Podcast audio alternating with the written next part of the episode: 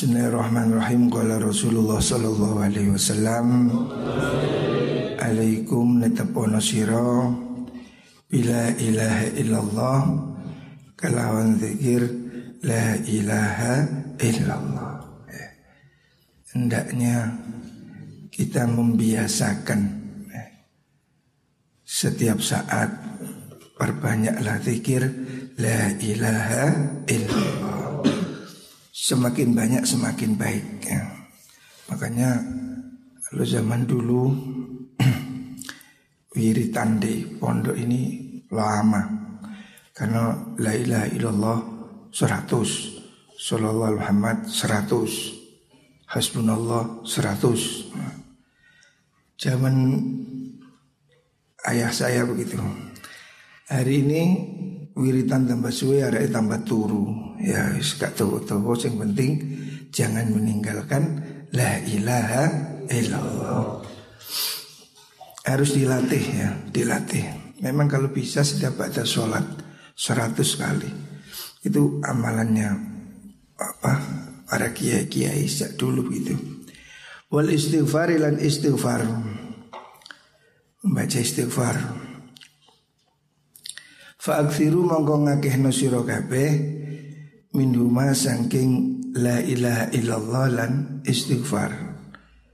Hendaknya dua hal ini diperbanyak ya. Astagfirullah, astagfirullah. Terus la ilaha illallah. Penting melatih zikir ini supaya apa? Supaya kita ini berharap ya, akhir dari hidup kita ini diakhiri dengan ucapan La ilaha illallah. Sebab siapa orang yang akhir hidupnya La ilaha illallah Maka dia dijamin masuk surga.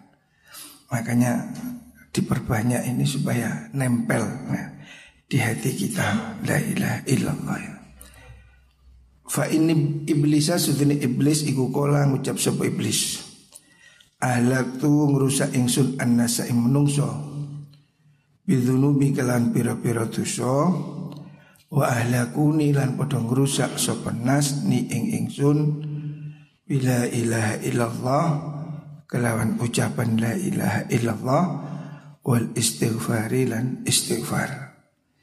Karena dua kalimat itu yang ditakuti oleh iblis ya. La ilaha illallah dan istighfar itu yang membuat iblis ketakutan.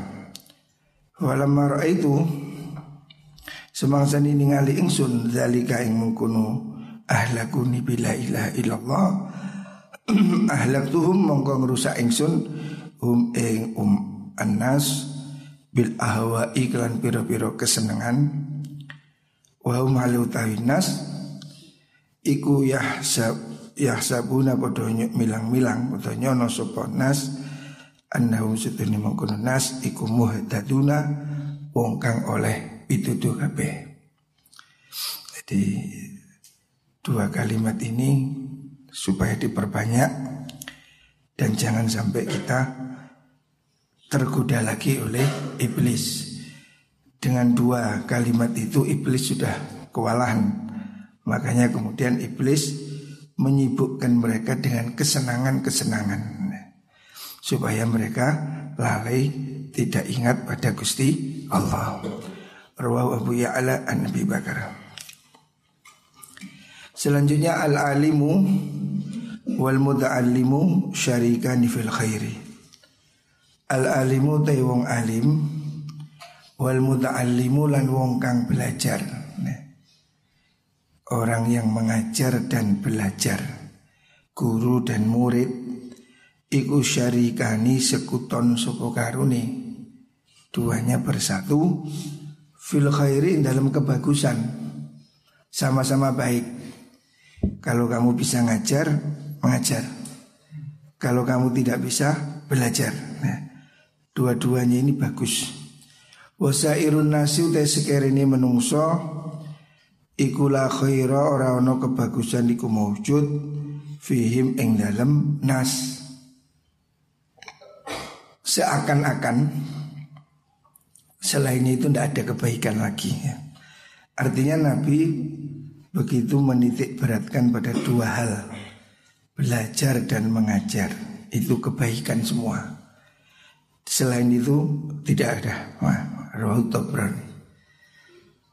kamu harus menjadi semangat nah, kamu posisi sekarang muta'alim orang belajar kamu tinggal di pondok seperti saat ini ini didoakan oleh malaikat didoakan seluruh makhluk ya.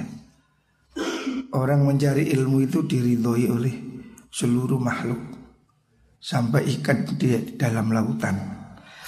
Makanya dipetah-petah nore. Dipetah no, dikerasan no. Baik menjadi guru ataupun menjadi murid. Kalau kamu jadi guru ya sing telaten, sing sabar. Sebab pahalanya mengajar ini juga besar ya. Belajar pahalanya besar, mengajar juga besar pahalanya. Maka dua-duanya ini sudah profesi yang bagus. Kita ini walaupun ya kurang sehat, berusaha buat ngajar. Muka-muka baru kayak ngaji diberi kesehatan. Jangan dibikin males ya. Nuruti males ya. Kayak wingi-wingi kudu aras-arasan. Tapi ya ini adalah tuntutan kita untuk ingin menjadi bagian dari orang belajar dan mengajar. Walaupun ya mungkin agak kurang sehat, tapi terus lakukan aja ya, semampunya.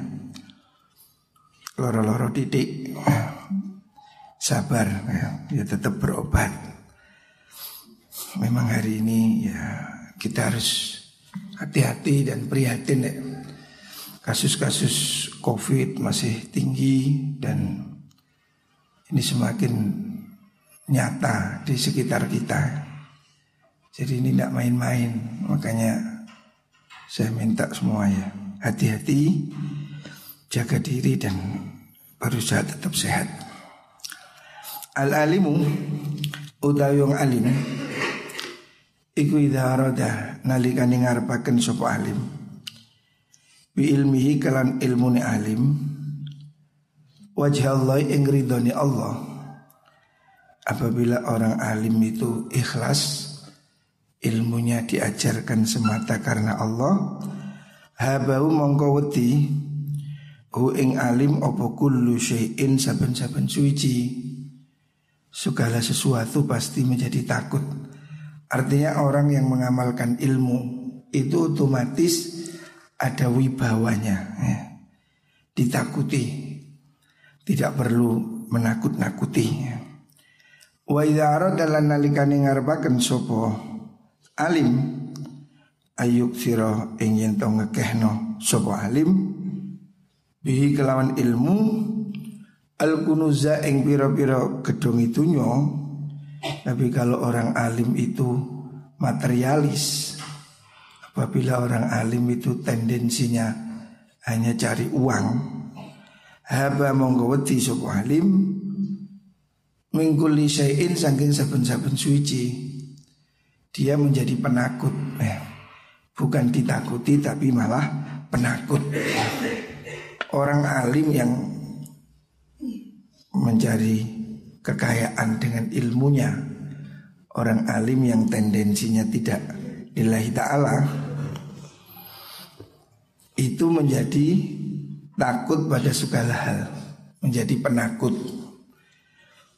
Tidak ada wibawanya ya.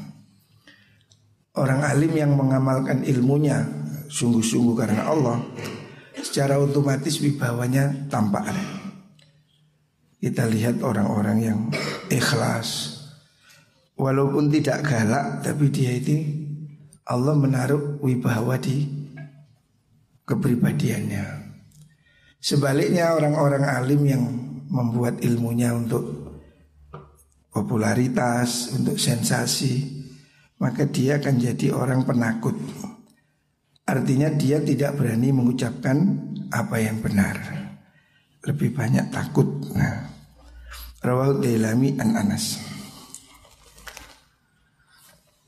Al alim utai wong alim wal ilmu lan ilmu Wal amalulan amal iku fil jannati ing dalam suwargo ya. Orang alim, ilmu dan amal itu semuanya tiket masuk surga. Jadi ilmu tapi harus ada amal. Fa ilam ya amal lamun orang lakoni kalau ilmunya tidak dipraktekkan orang lakoni sopal alimu wong alim bima kelan perkara ya lamu kang ngawruhi sapa alim karena mongko ono pal ilmu ilmune wal amalulan amal iku fil jannati ing dalem swarga. Wa kana lan ono sopal alimu wong alime iku finari ing dalem neraka. Jadi ini ancaman untuk orang alim hendaknya selalu konsekuen mengamalkan ilmu. Apabila ada orang alim tidak mengamalkan ilmunya, maka ilmunya di surga, alimnya ada di neraka. Ya. Ini yang disebut ilmu tidak manfaat. Ya. Ilmu yang tidak diamalkan. Na'udhu bila. Jadi termasuk sesuatu yang ditakuti ya. Harus ditakuti itu ilmu yang tidak manfaat. Ilmu yang tidak membawa perubahan sama sekali sudah ngerti halal haram tapi tidak melakukan sesuai tuntunan. Orang yang ilmunya tidak tinggu ini nanti ilmunya di surga, orangnya di neraka. Rawahu Dailami. Al-adlu tawi gawe adil Iku hasanun bagus berbuat adil itu bagus di mana pun ya. Kepada siapa pun berbuat adil itu bagus.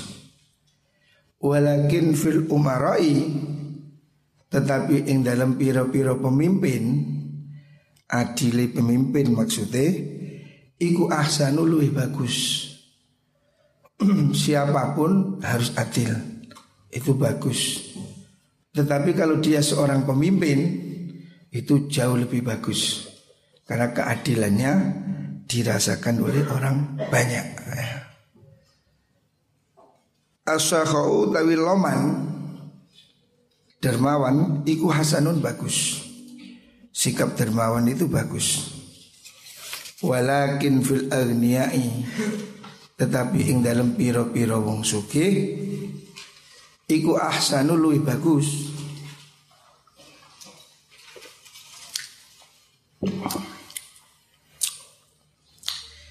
Orang dermawan itu sangat bagus. Tetapi kalau dia itu orang kaya Lebih bagus lagi ya. Sebab orang kaya dermawan Manfaatnya jauh lebih besar. Orang miskin dermawan ya bagus Orang biasa dermawan bagus. Tapi kalau orang kaya lebih bagus lagi. Al-wara'u sifat wirai. Sifat hati-hati ya. Menjaga diri, tidak ngawur. Iku hasanun bagus. Sifat wirai itu bagus. Walakin fil ulama'i tetapi ini utawi wirai ing dalam ulama Iku ahsanu luwih bagus. Orang hati-hati itu bagus. Tetapi kalau dia ulama jauh lebih bagus lagi ya. Ulama harus lebih wirai. Wirai itu artinya hati-hati deh. Wirai menjauhi sesuatu yang syubhat Apalagi yang haram.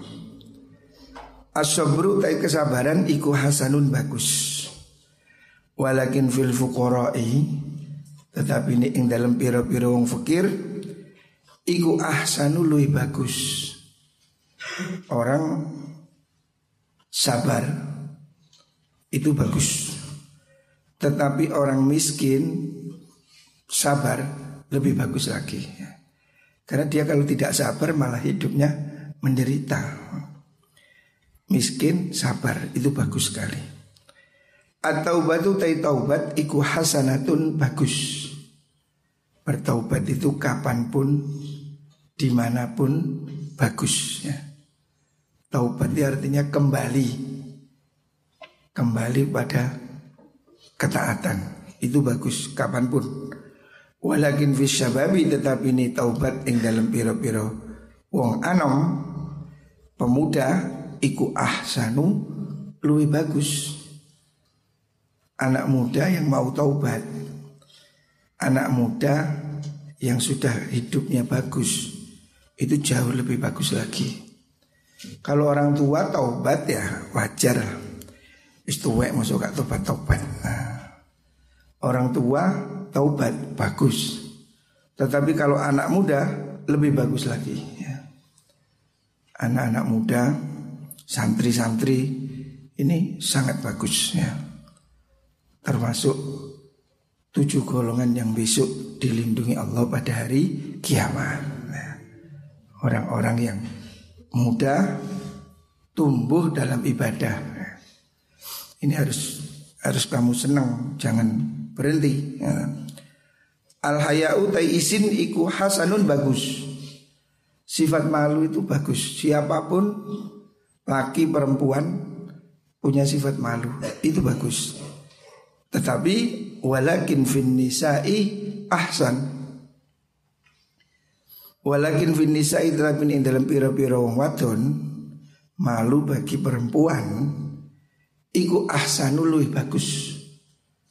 Wanita harus lebih punya malu lagi. Laki-laki ya harus punya malu. Siapa pun harus punya malu karena malu bagian dari iman. Tetapi kalau itu perempuan jauh lebih bagus lagi. Artinya bagi perempuan sifat malu ini harus lebih menonjol. Rawahud Dailami an Omar. Selanjutnya kalau Rasulullah Sallallahu Alaihi Wasallam al ulama utai ulama orang alim Iku umana urusuli piro-piro wong kang dan percaya Rasul. Ulama ini orang-orang yang dipercaya oleh para Rasul.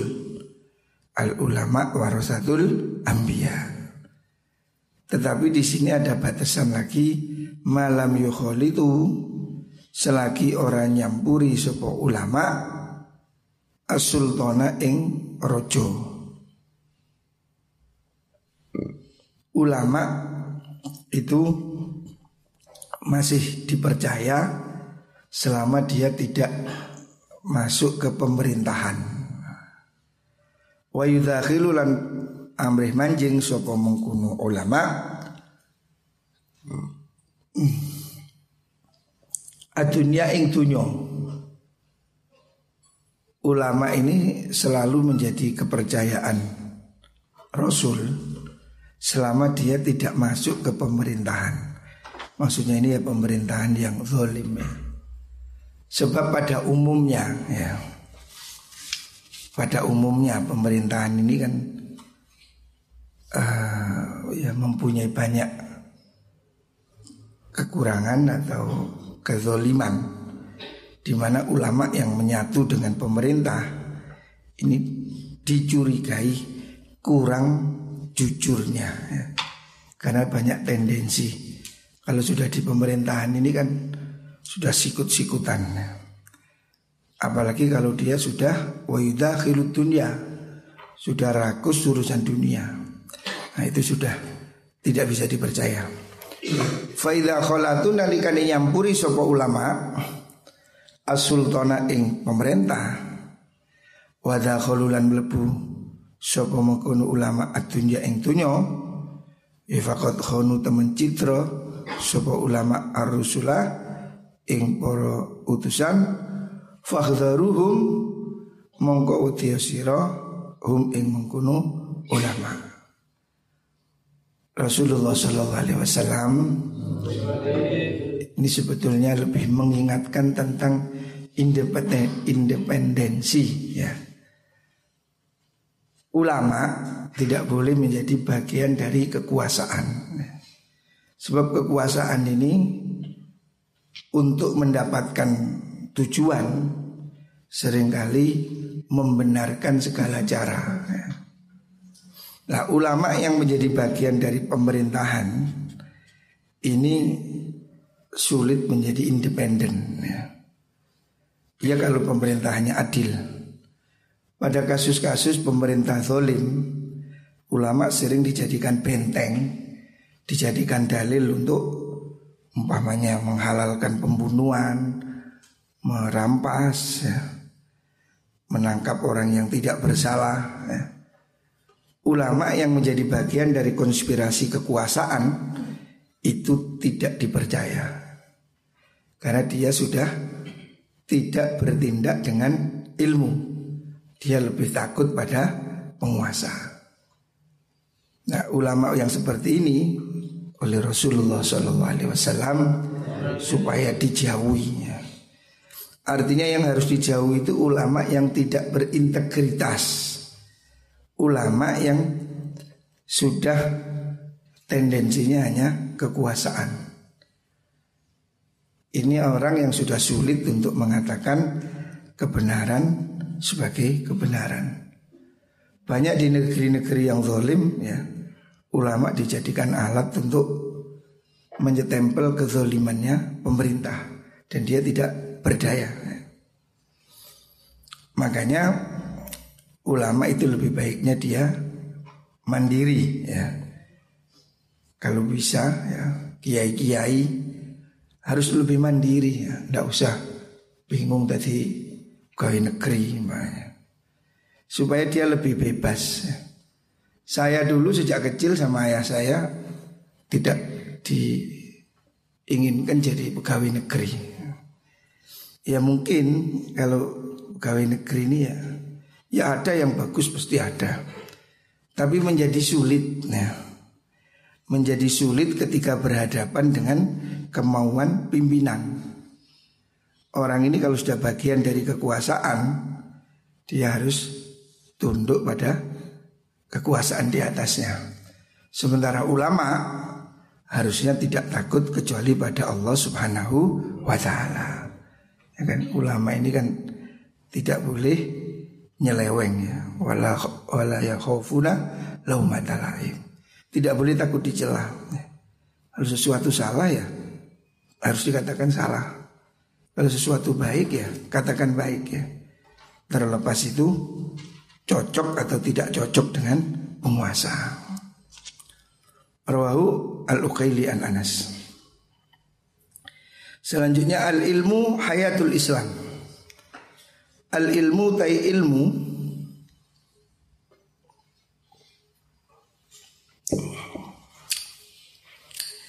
Iku hayatul Islam Dadi uripe agama Islam. Ilmu ini akan menjadi tanda hidupnya agama Islam. Kalau orang Islam sudah tidak mau belajar Kalau ilmu-ilmu ini sudah habis Islam ini pasti rubuh. Hari ini kita lihat di Cina umpamanya ya. Ketika agama sudah dilarang Pemerintahan komunis menutup masjid, menutup madrasah, maka kegiatan agama mundur sangat mundur sekali. Hari ini masjid-masjid cuma diisi ya orang yang bisa dihitung pakai jari ya. Karena tidak ada pendidikan agama. Saya sudah dua kali pergi ke Cina. Saya amati masjid ya semakin lama semakin sepi. Karena memang tidak ada madrasah, tidak ada pondok. Mereka sudah agamanya tinggal warisan. Hanya orang tua yang ke masjid. Anak kecil sudah tidak ada ke masjid. Pemerintahan komunis Cina berpuluh-puluh tahun menekan pendidikan. Hari ini sudah kelihatan sekali ya.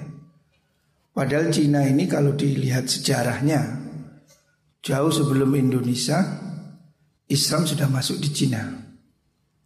Sampai saya sudah pernah lihat di sana di Guangzhou ada makam sahabat Nabi. Jadi kuno sekali Islam. Peradaban Islam di Cina ini kuno. Tetapi pemeluknya semakin sedikit, semakin sedikit ya. Bahkan kegiatan di masjid sudah jauh ya, jauh menurun. Orang sholat di masjid cuma tiga, lima. Masjid kuno-kuno masih bagus. Saya, saya dua kali pergi ke Cina. Masjid usia 500 tahun, masjid usia 700 tahun. Masjid bagus-bagus. Masih masih dijaga hanya sebagai budaya, koleksi budaya. Tapi madrasahnya tidak ada. Nah, karena madrasahnya tidak ada, orang tidak ngerti sholat. Sampai di Cina Utara, di Xinjiang, saya pergi ke sana. Sama, masjid hanya orang tua. Anak-anak muda sudah tidak ada di masjid. Karena pendidikannya di stop. Ya. Jadi Islam menjadi lumpuh kalau tidak ada ilmu. Karena orang ini tidak bisa nyembah Tuhan dengan tanpa ilmu ya. Sholat perlu ilmu, wudhu perlu ilmu.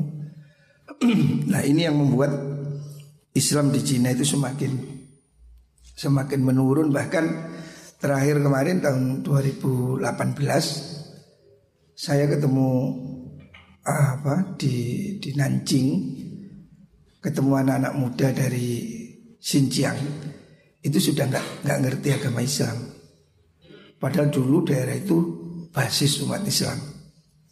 Tapi hari ini sudah mereka tidak ngerti Islam sudah. Jadi pemerintah komunis ini dahsyat ya. Mereka memusuhi semua agama, ya, termasuk agama Islam. Nah, hari ini hari ini ya Cina menjadi raksasa ya. Tetapi Allah menurunkan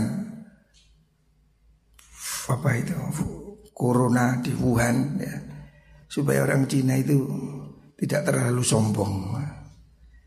Nah, mereka ini memang sudah nggak mau Tuhan. Semua agama maunya di Cina dilarang memang. Karena mereka orang komunis ya. Lah kalau Islam sudah hilang ilmunya, mati ilmu. Islamnya menjadi mati. Wa imadul imani lan sokone iman. Ilmu itu adalah tiang bagi keimanan. Kalau tidak ada ilmu, imannya roboh. Waman desa wong iku alimah ngerti sopoman ngawurui ilman ing ilmu atamma mongko akan sinten Allah Gusti Allah ajrahu ing ganjarane man. Waman desa wong iku ta'allama belajar sopoman fa amila nuling lakoni sopoman Allama mongko meruhaken mulangaken hu ingman sinten Allah Allah ma ing perkara lam lam kang durung weru sapa man. Siapa orang punya ilmu maka Allah sempurnakan pahalanya. Dan siapa yang mau belajar terus diamalkan Allah akan menambahi ilmunya. Mengkani ngaji ini sampai dipraktek norek. Hendaknya berusaha ngaji ini sambil diamalkan. Apa-apa yang kita terima setiap hari kita mendengar ini hadis Dawud-dawud Rasulullah Sallallahu Alaihi Wasallam hendaknya berusaha kita amalkan, berusaha kita lakukan dalam kehidupan sehari-hari. Teori saja tidak cukup ya. Ilmu saja tidak cukup, tapi harus ada amal. Kalau ilmu saja ya cukup dengan Google ya. Hari ini Google ini sudah bisa ditanyai sembarang-barang. Ya. Kalau cuma pengetahuan tanpa amal, ya cukup dengan Mbah Google. Ya. Tetapi ilmu mau tidak mau harus ada amal. Siapa mengamalkan ilmunya, Allah akan tambahkan pengetahuannya. Makanya semakin kita ngaji, terus diulangi, diamalkan, ini akan membuat kita semakin pinter. Jangan rumongso pinter ya. Teruslah belajar Jangan berhenti Jangan males Muka-muka ditambah ilmu yang manfaat oleh Allah. Apa muka-muka diparingi ilmu yang barokah